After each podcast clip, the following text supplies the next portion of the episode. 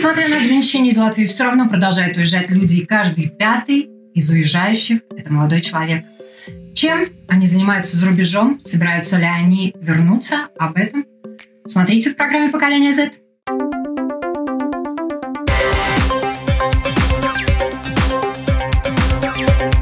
Поколение Z.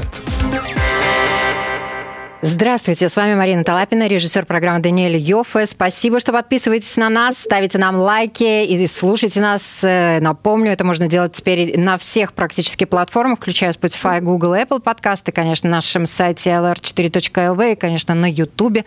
Наш, нас можно видеть, поэтому э, спасибо вам огромное, что вы это делаете. Ну, а сегодня, э, поскольку география наших зрителей и слушателей тоже растет, мы решили, что интересно будет э, посмотреть и узнать вообще, как э, ребята из Латвии живут в других странах. И я рада представить сегодня с нами на связи Алиса Шевченко. Привет. Алиса, привет.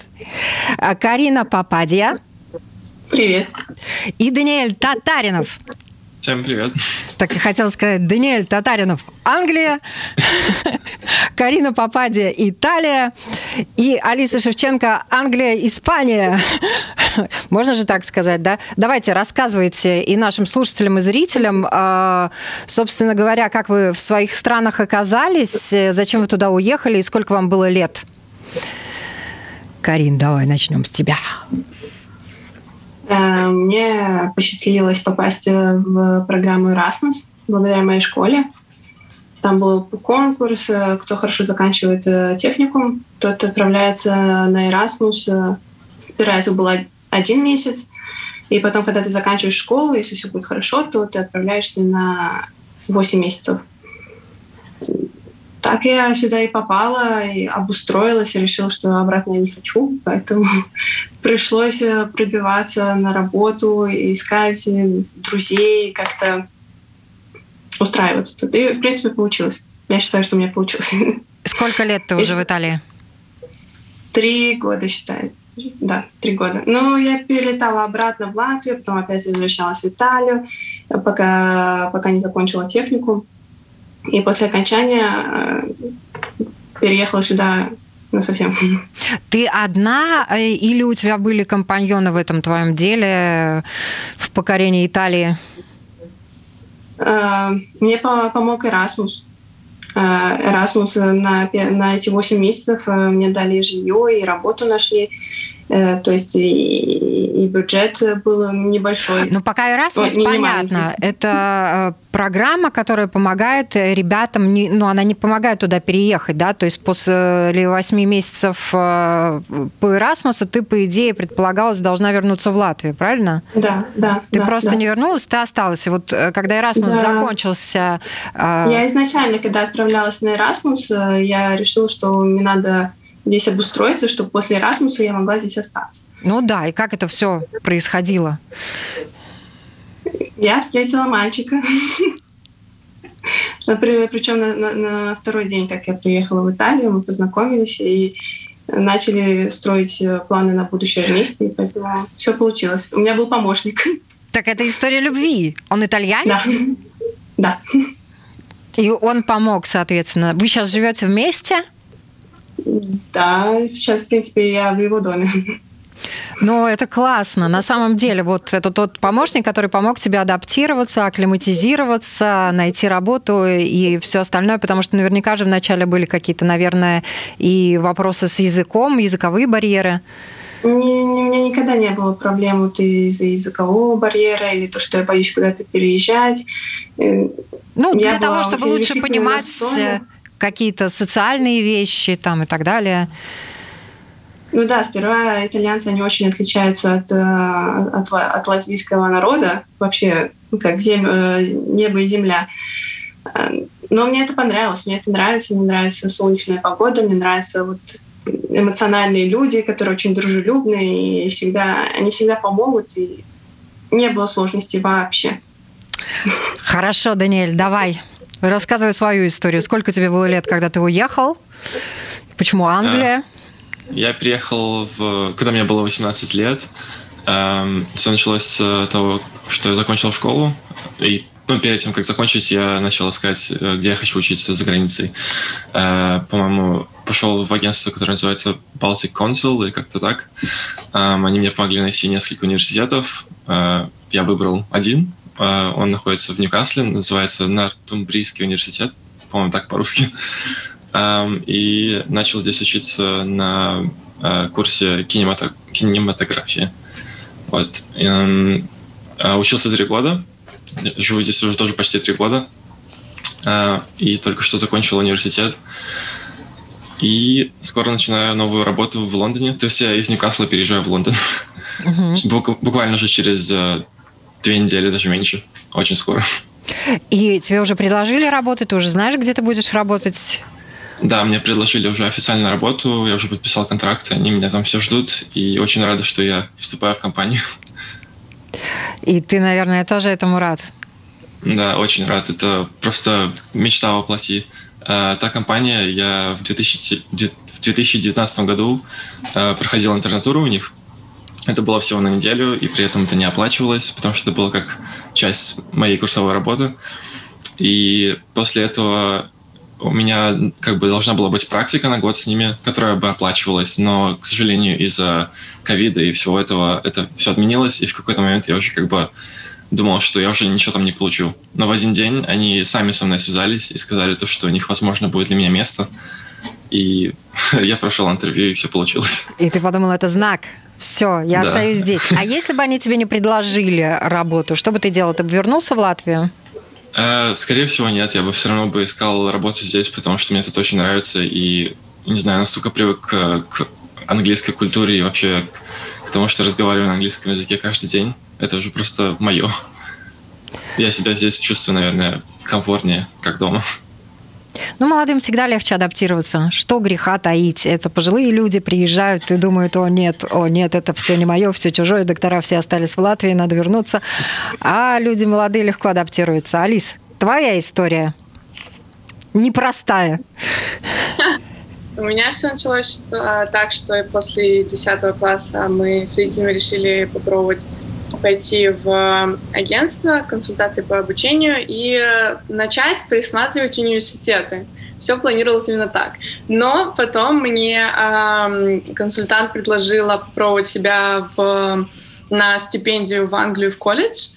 И я об этом даже, ну, как я не задумывалась, что я ее получу, вообще не шла туда с такой целью. Я просто, ну, вот, по сути, как я в гимназию поступала тоже, я пришла сдать тест, посмотреть вообще способна. Я его сдала. И тогда, и сейчас я поступила, ну, получила стипендию, и э, мы решили, что ну раз, раз я ее получила, поеду учиться в Англию. И я там закончила A-Levels, то есть последние два года школы. Тебе и, было 16 э, лет, правильно? Да, 16 лет я уехала. И э, вот потом поступила, соответственно, в университет в Лондоне. Вот сейчас закончила второй курс. Удаленно. Да, ну да. А, история такая, что первый, первый семестр я отучилась э, в, на месте, и потом начался ковид. Я переехала э, к родителям в Мадрид, так как они в Латвию ехали, переехали в Мадрид.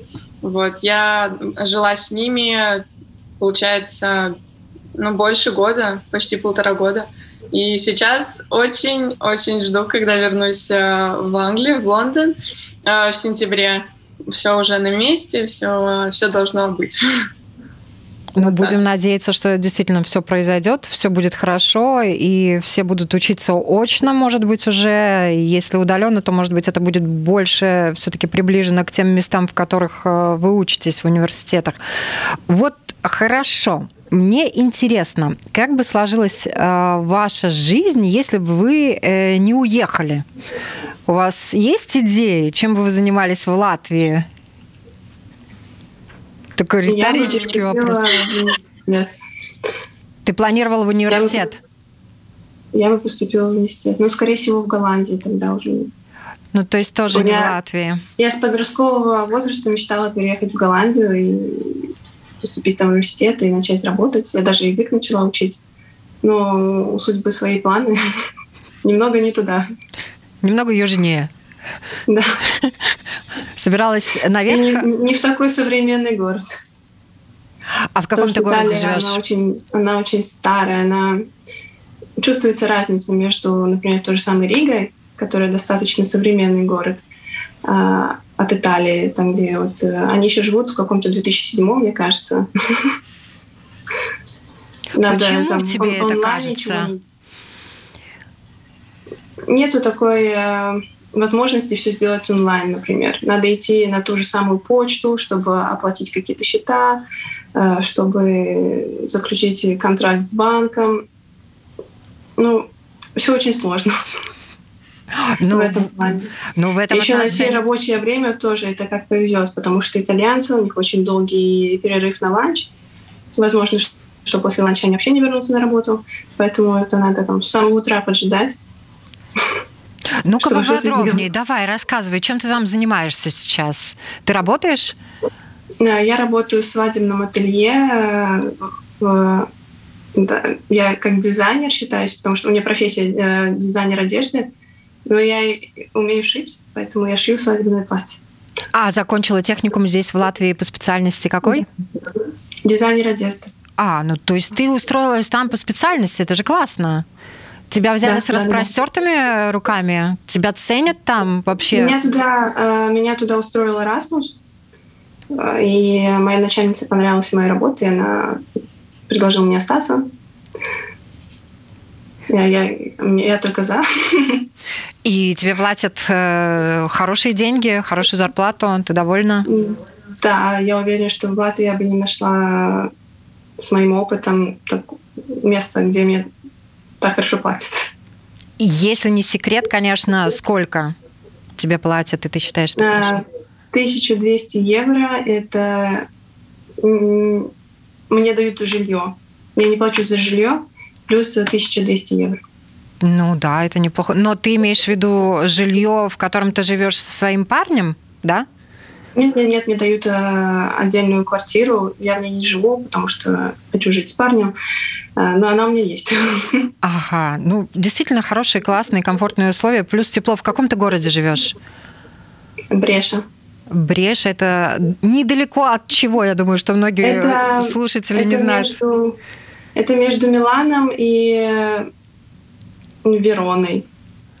Ага, ну это Мне уже понятнее. Верону, и близко и к Милану. Вот. И это недалеко от э, Гарда озера, озера Гарда. Ой, там красивые очень места, безусловно. И ты наверняка все объездила. Нет, не самое большое. Да, но, самое большое озеро. Но очень красивое озеро. При этом ты наверняка там везде побывала, все объездила. Да. Да. Мне, мне, мне очень нравится путешествовать, поэтому еще перед ковидом я успела много куда поездить по Италии. И в Венеции, и во Флоренции, и в Рим, и в Верону. Хорошо, спрашиваю. И самое любимое — это горы. То есть э, летом обычно итальянцы, так как здесь очень жарко в городах, все итальянцы отправляются в горы, потому что там прохладнее. И это отдельная история. Там так красиво, там я, я теперь не могу жить без гор. То есть, когда приезжаешь в Латвию, ты, тебе кажется, что что-то не так, потому что ты не видишь возвышенностей. Все, все как-то как не так. Но есть же что-то такое родное, почему ты скучаешь? Я очень люблю Латвию летом, когда дни длинные, долго светло. И вот мне вот это нравится. Мне нравится солнце, мне нравится, когда светло, потому что дает энергию, это дает какой-то заряд.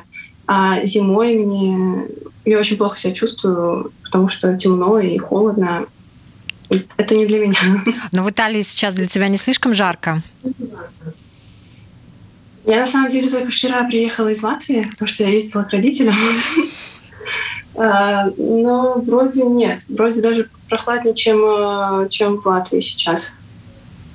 Хорошо. Начнем пытать Даниэля. Чем ты будешь заниматься в компании, с которой ты заключил договор? Эм, я устроился на работу, которая называется видеограф. Я буду снимать э, видеоролики, э, ну, не видеоролики, а именно видео для разных компаний, для разных брендов. В общем, э, эта компания, они снимают рекламу, делают фотографии для разных корпораций, офисов. Э, все в таком духе. Буду монтировать э, видеоролики тоже, э, анимация. И мне сказали то, что в этой компании все начинают с того, что делают э, 3D-туры помещений. То есть меня научат, как делать э, 3D-туры. То есть, допустим, когда заходишь в Google Maps э, и кидаешь этого человечка на улицу, ты видишь как бы 3D-вид. И вот они научат меня то же самое делать э, именно в помещениях. Это то, с чего я начну, а дальше я уже буду монтировать, снимать видео, как я сказал уже. Um, да. и, и ты уже знаешь, какая у тебя будет зарплата, конечно, если ты контракт подписал, да? Да, я знаю, какая у меня будет зарплата. Um, в принципе, даже могу назвать цифру. Это 20 тысяч в год. Um, для Лондона это, это немного. Uh, это стартовая зарплата, но они сказали, что как бы через полгода они будут делать ревью, и, возможно, они ее повысят. Но я как бы надеялся примерно на 21 тысячу, поэтому меня это вполне устраивает. И вообще э, тот факт, что я переезжаю в Лондон, ну, как бы мне уже все нравится. Ты уже знаешь, где ты будешь жить? Да, я уже получил э, квартиру с другом, мы переезжаем вместе э, из Ньюкасла. И я точно знаю, что у меня будет хватать денег на оплату квартиры, оплату счетов и так далее, и при этом у меня будет какая-то сумма оставаться на себя что очень хорошо. Ну да, главное, чтобы ты еще и ел при этом, да, и, и тусовался, в конце концов, уже молодые, и энергичные, да. бодрые. И, э, ну вот, э, ты в предвкушении или ты уже э, бывал в Лондоне, ты знаешь плюс-минус, какой образ жизни ты будешь вести? Э, я бы сказал плюс-минус. Я был в Лондоне только всего один раз, и это был тот раз, когда я как раз-таки проходил интернатуру с той же компанией, то есть э, у меня не было, наверное, столько времени исследовать Лондон, как хотелось бы. Эм, но как бы я перееду, и у меня будет полно времени. Но да, до того я просто проводил время, э, работая там. Ну, там, естественно, конечно, Лондон тоже достаточно древний город с огромной историей. Там есть что посмотреть, там есть где да. погулять, и замки, и дворцы, и музей, который бесплатный, кстати. Да, да и... как раз недавно об этом тоже слышал. Да, и театры, и э, вот, ну, где-то в Англии ты уже бывал, природа Англии, вот э, что тебя привлекает в культуре? Ты сказал, что ты окунулся в эту культуру и хочешь там остаться, потому что это все тебе близко. Mm-hmm. Что в ней тебе нравится? Я бы сказал, наверное, отношения людей. Они очень открытые, толерантные. Они принимают тебя таким, каким ты есть. Um, Слушайте, ну вы классные, по-моему, вас все должны принимать такими, какие вы есть. Ну за, да, конечно. За, за что вас не принимать, скажите мне, пожалуйста. А, есть такое. А что еще нравится? Я не знаю. Есть um, какие-то места, которые тебе уже понравились, куда ты хочешь вернуться? Мне точно нравится природа очень сильно. Тоже нравятся горы. И я был в одном из национальных парков. Там тоже есть довольно много возвышенностей. И мне нравятся такие виды. Я бы хотел еще раз точно съездить куда-нибудь э, с природой. Я в Англии особо много не был э, в плане городов. То есть я мог бы там поехать в Шотландию, в Эдинбург, но опять же это было только для того, чтобы сесть на самолет и улететь в Латвию. А, просто пока я здесь учился, по финансам у меня, наверное, не было настолько много возможностей, а, при том, что я здесь работал во время учебы в баре. Поэтому в основном у меня все деньги уходили, наверное, на жилье, еду, одежду. В общем, все, не, все необходимое, но не путешествие. Слушай, ну ты молодец, ты поехал учиться, ты получил стипендию или тебе родители помогали оплачивать учебу? Э, можно сказать и то, и другое. Когда я сюда переехал, э, я выиграл стипендию на, по-моему, 4000 фунтов. Э, там нужно было снять видеоролик на 30 секунд. По-моему, почему мой университет считается лучшим в Европе. Вот я снял видеоролик на эту тему, он им понравился, и они мне дали эту стипендию. Ее хватило на, наверное, какую-то часть первого моего года обучения там. Но в основном мне очень сильно помогает моя мама. Я ей безумно благодарен за это. даже при том, что работаю, все равно иногда нужна какая-то финансовая поддержка. Но вот сейчас, э, когда наконец-то переезжаю в Лондон и получаю вот эту вот full-time работу, я смогу наконец-таки получить финансовую независимость и уже, может быть, даже помочь своей маме в отдать ей должное. Ну, а сейчас звучит круто. Алиса, давай твою историю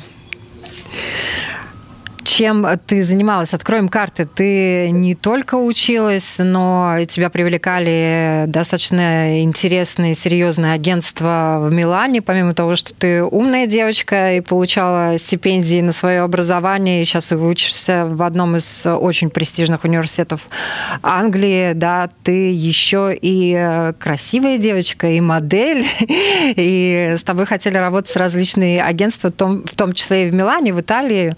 У тебя есть опыт и работы за рубежом, да? да Поделись с нами это... этим. Помню, ты недавно затрагивала эту тему, что бы было, если бы мы остались в Латвии. Вот, как раз-таки, если бы я осталась в Латвии, я бы с ними еще больше работала. Но так как я уехала в Англию не просто там в школу или приехала, я поехала в эм, boarding school. То есть э, ты там под присмотром, э, ну, серьезно, 24 на 7, они всегда знают, где ты. Поэтому было ну, очень сложно, например, отпроситься, куда-то улететь, куда-то уехать, э, если это не каникул. Поэтому на ну, этот период два года, когда я там училась, заканчивала школу, я не работала. Но потом тоже переехала в Англию и... Ой, в, Англию, в Лондон, да, вот. И меня тоже очень привлекает э, Лондон, конечно, и историей, и масштабами, ну и вообще как бы столица. вот, потому что я жила в очень маленьком городе, Нортхэмптон, и там, э, серьезно, после восьми часов вечера не было ни одной машины в городе. И это немножечко так э, депрессивненько становилось тоже. Но да, я хотела бы сейчас, когда вернусь в, Лон- в Лондон, я и Лондон побольше как, исследовать, и тоже поездить по красивым местам. Я видела, у меня, например, подруга учится в Брайтоне, я к ней ездила, хотела бы еще на юг, э, там тоже горы, море, красота. Вот, и во всяких таких местах побывать. Я там, опять-таки, тоже еще, когда училась, в boarding school не было такой возможности ездить никуда, а в университете я была... Ну, я закончила второй год, но, по сути, я там была три месяца и тоже никуда особо не съездила. Ну, Думаю, с родителями по Испании, да? Да, с родителями по Испании получилось. По Англии еще пока, еще пока буду их исследовать. Ну вот Карина нам уже рассказала, что она э, скучает по латвийскому лету. Есть какие-то вещи в Латвии, места в Латвии, может быть, вообще люди в Латвии, по которым вы скучаете? Даниэль, Алиса. Я бы сказал, что я очень скучаю по пляжам, по морю. Вот сейчас э, как бы в Ньюкасле стало жарко в первое время за это лето, наверное.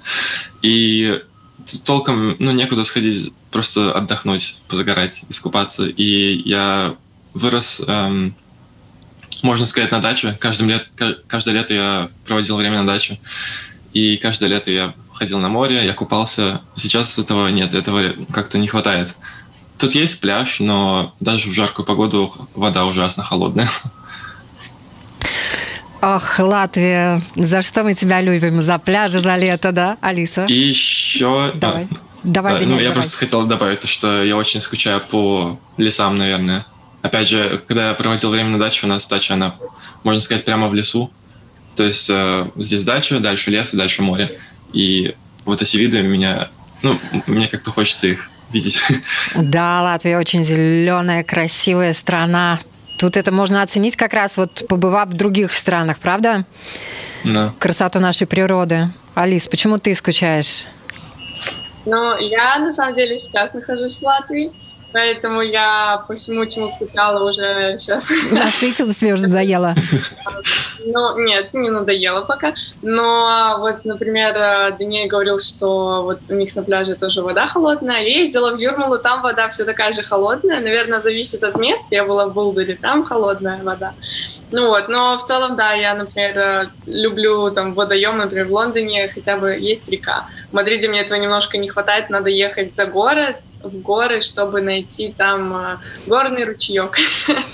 Вот, или там озера, на самом деле, в Мадриде много. Вот. И да, на самом деле, по природе я даже больше скучаю не по природе, а по, наверное, масштабам. Иногда хочется окунуться в этот маленький, уютный городок, который для меня, вот Рига для меня именно так ассоциируется. И э, да, просто гулять по центру, гулять, наслаждаться, посидеть в парке, такое. Ваше будущее вы связываете вот с теми странами, в которых э, вы сейчас находите, будете находиться? Англия, Италия, может быть, Испания? Или есть какие-то мысли, может быть, поехать куда-то дальше?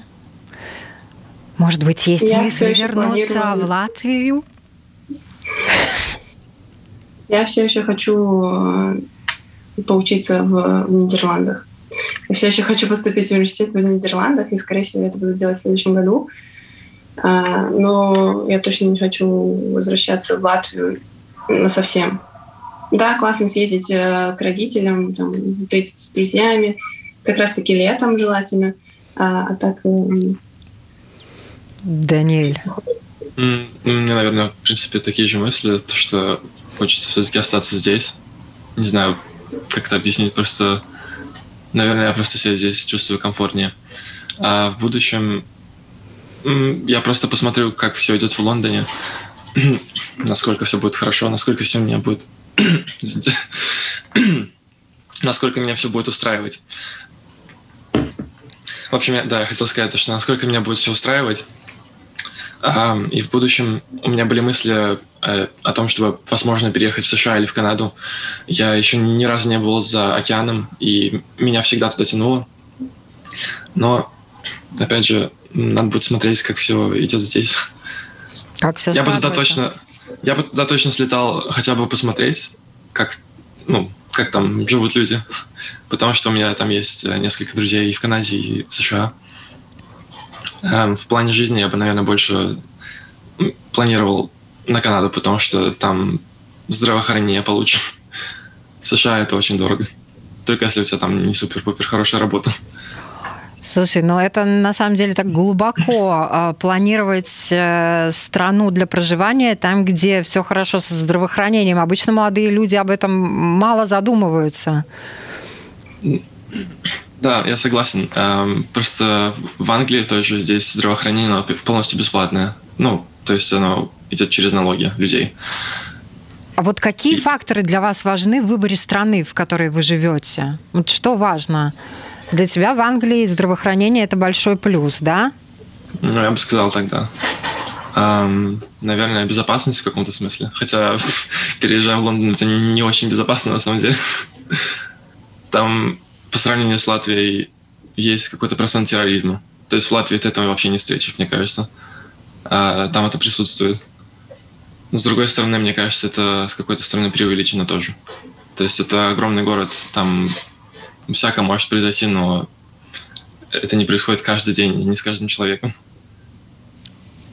Ну, если ты захочешь переехать в Америку, ты в Англии совершенно хорошо можешь в любом случае набрать себе портфолио и стартануть из Англии в Америку гораздо проще, чем это сделать из Латвии, надо признать. Да, да. я бы сказал, то, что я ассоциирую Англию сейчас как мою стартовую точку, наверное, в моей карьере. Ну, такая есть, э, хорошая точка на самом деле. Да, Еще не просто Англия, образов... а Лондон. Да, я получил образование, высшее образование. Сейчас я получаю первую мою full-time работу. Э, наберусь опыта, дальше буду смотреть, возможно, полечу. Алиса. Там будет видно. Страны. Англия, Испания, где бы ты хотела пожить, поработать, э, наслаждаться жизнью, рожать детей? Я бы точно хотела поработать в Англии, потому что я помню, когда я переезжала еще из Латвии, даже, даже не в Лондон, но в тот свой маленький городок, все равно э, кругозор как-то расширился, глаза открылись, и после этого уже сложно э, представить себя э, живущего в Латвии. Ну, то есть все-таки меняется твое мышление и твое видение, и ну, как-то Ну, честно, очень сложно объяснить, но сейчас я не представляю, чтобы я приехала в Латвию работать и жить. Я с удовольствием туда бы летала, чуть ли не каждый месяц, потому что, ну, в конце концов, и родственники, и друзья, и ну, вообще люблю Латвию, но э, пока, пока могу, я бы хотела поработать, э, пожить, попутешествовать по другим странам. Я точно хотела бы вернуться в Испанию, ну, после окончания обучения, может быть, э, на магистр, может быть, на работу, может быть, пожить. Ну, я еще, я еще не решила, но вот за этот год буду решать. Или тоже буду пытаться найти работу, вот как Даниэль, чтобы закончить университет, сразу работать на постоянной основе. Но еще вариантов много. Надо будет э, сужать. Ну да, на самом деле еще время есть, и э, хочется задать вам вопрос следующий.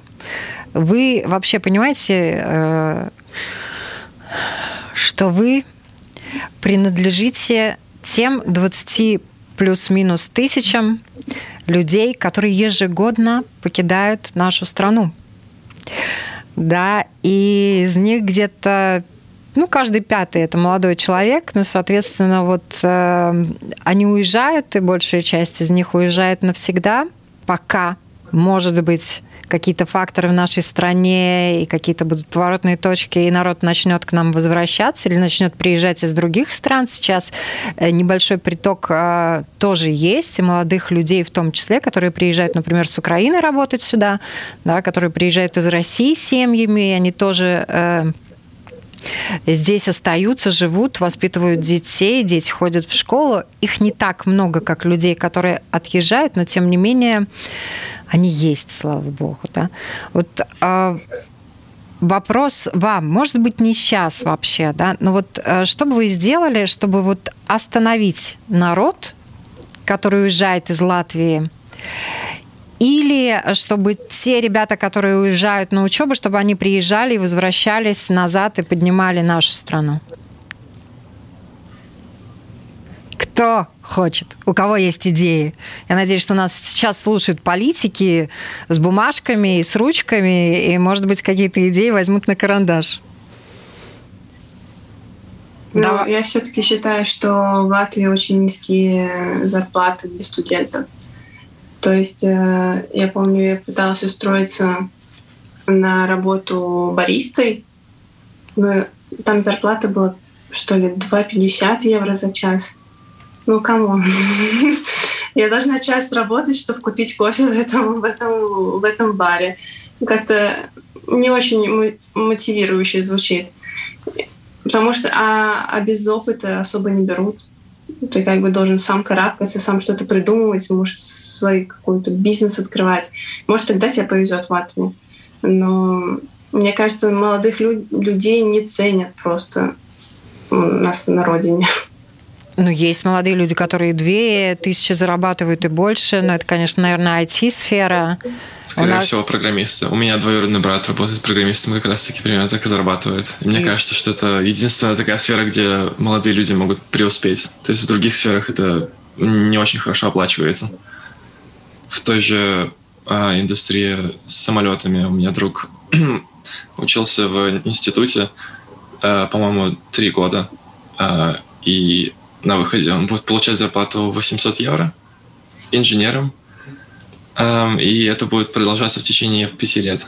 И, возможно, э, если он там пройдет какие-то специальные тесты, он получит типа большую зарплату. Но мне кажется, что так не должно быть. Когда ты э, тратишь три года на обучение, ну, как-то зарплата, наверное, должна быть все-таки повыше. это должно цениться. С зарплатами разобрались, на больные мозоль наступили. Что сделать, чтобы здесь было хорошо, чтобы сюда народ возвращался? Зарплаты повысить, да. А есть еще какие-то идеи, Алиса? Наверное, надо делать все для людей, не против людей. Я такое, как бы, не знаю, я, я вообще от политики далека, но, например, недавно видела эм, пост в Фейсбуке, что помыть один столбик стоит 16 евро, если не ошибаюсь. Один столбик. И их поставили вдоль дороги.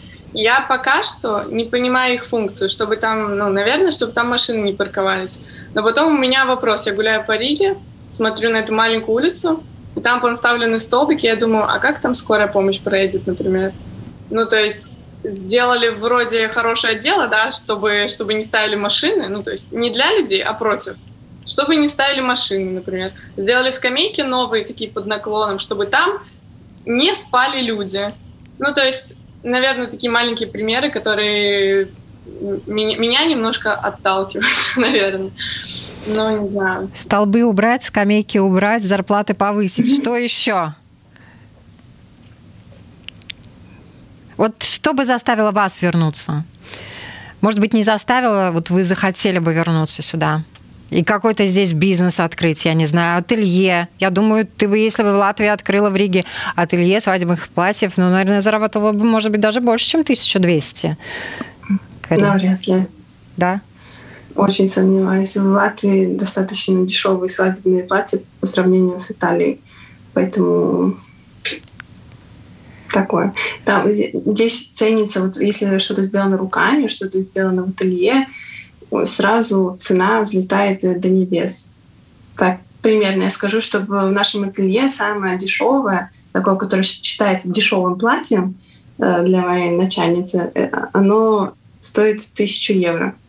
Но это такое совсем, совсем простенькое, из каких-то остатков ткани, из э, каких-то остатков этих jeans, как называется, кружева. Вот за тысячу евро можно сделать. А так э, нормальное платье будет стоить 4 или 3 тысячи. Ну, в Латвии за такие деньги я не думаю, что кто-то будет покупать свадебное платье. Ну, будут, но их гораздо меньше, наверное, потому что и страна меньше, понятно.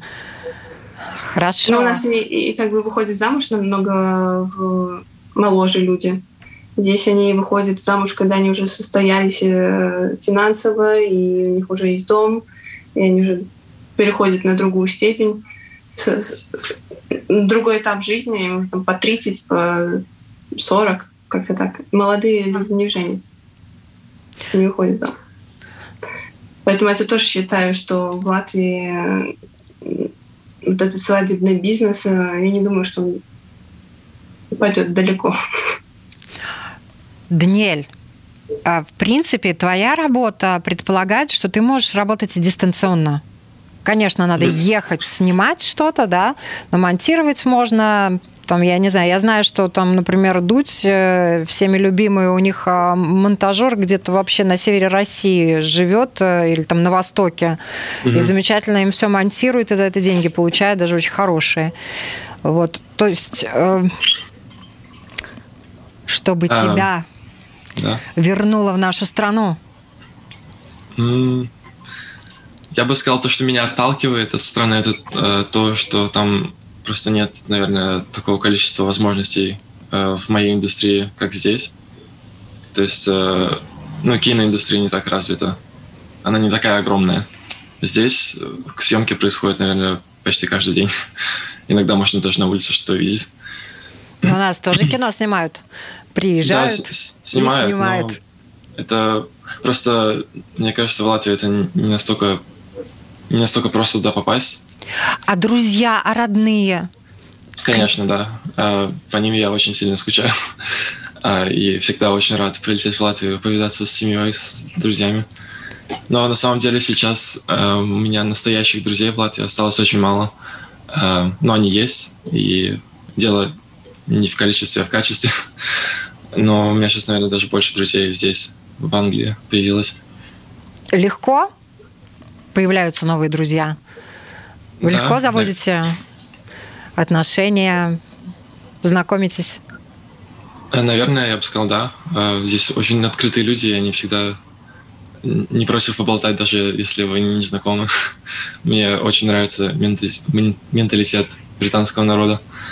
Э, допустим, у меня была довольно забавная ситуация в магазине, наверное, года два назад, когда я просто искал какие-то специи для блюда в магазине, и э, ко мне подошла какая-то пожилая пара, и они мне посоветовали то, что э, в другом отделе магазина есть более дешевые специи.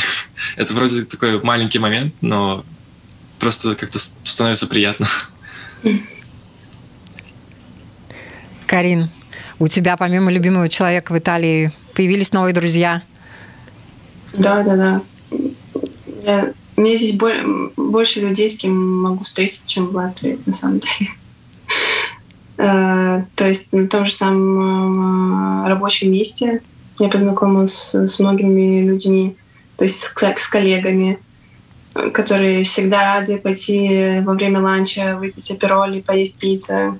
Это такой это особая атмосфера, которая очень сближает. И на самом деле итальянцы очень дружелюбны.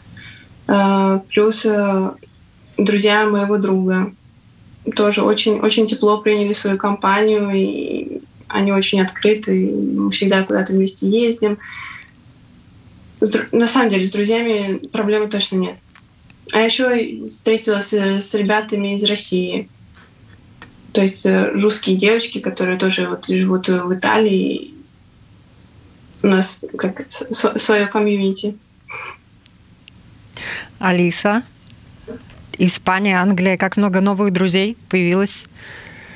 Ну, я соглашусь с тем, что в Латвии у меня осталось достаточно мало друзей. Эм, но я в этом вообще не печалюсь. Это, наоборот, очень хороший тест на дружбу. И я рада, что мы с подругами его прошли. вот. Но я бы сказала, что мне не было легче или сложнее найти друзей за границей. Было ровно точно так же. Ну, то есть, может быть, да, в Англии это правда, что люди более открытые. И в Испании тоже э, они там, могут с тобой пообщаться, как, например, в Латвии в магазине вряд ли те кто-то там что-то подскажет, но из, из той серии. Но именно что про общение, про дружбу, ну, точно так же. В Латвии точно так же могу в баре с кем-то познакомиться и потом общаться, как и в Англии и в Мадриде. Конечно, на самом деле классно, что вы там хорошо устроились, и вам там хорошо. Хочется, чтобы вы почаще приезжали в Латвию. И в завершении нашей беседы я хочу вас попросить э, вот посоветовать что-нибудь, пожелать ребятам, которые здесь остаются, которые никуда не уезжают, которые, может быть, патриоты, которые, может быть, по финансовым причинам не могут себе позволить, или у них не выпала случайность, э, классный случай Erasmus, да, поехать куда-то э, на практику в другую страну. Вот что бы вы им пожелали? Даниэль, давай начнем с тебя. Или Карина готова? Я даже не знаю, нужно, наверное, подумать все-таки. Давайте, думайте. Я бы, наверное, если можно, я бы пожелала им, вот, народу, молодым людям, которые решили остаться, честно э, сказать спасибо и сказать, что удачи, чтобы, чтобы они развивали нашу страну и чтобы в нее хотелось бы мне, например, лично приехать и работать, потому что я, например, очень хотела бы все-таки пожить в Латвии и поработать в Латвии. И я всеми руками за, если будет такая возможность. Поэтому я просто желаю... Ну, на самом деле в Латвии очень классно жить. Ты можешь и накопить, и путешествовать точно так же. Не обязательно куда-то переезжать, чтобы узнать, например, вот английский, испанский, итальянский менталитет. Вот, поэтому желаю не падать духом никому. Даниэль. Наверное, также очень благодарен тем, кто остается в Латвии. Я надеюсь, что в какой-то день э, они поднимут нашу инфраструктуру, нашу экономику, и будет как-то приятнее возвращаться. И, возможно, даже в какой-то день захочется пожить в Латвии. Карина. Я пожелаю не сдаваться и держаться за эту решимость и патриотизм, потому что, возможно, будущее Латвии именно на них. Если не они, то уже никто это не сделает. И было бы приятнее возвращаться в Латвию и видеть ее расцветающей, а не то, что происходит на данный момент. Ну, хочется надеяться, что большая часть людей, которые здесь живут и остаются, что им хорошо, и что они любят эту страну. Может быть, они устроились э, лучше, может быть, они где-то в чем-то экономят, в чем-то себе отказывают, но им здесь хорошо, и они не хотят уехать, потому что у нас классная страна, правда? Да. Спасибо вам большое. Напоминаю, сегодня с нами были Алиса Шевченко, Карина Попадья, Даниэль Татаринов. Ребят, спасибо вам за этот разговор, что поделились своим опытом. И всем хорошего дня.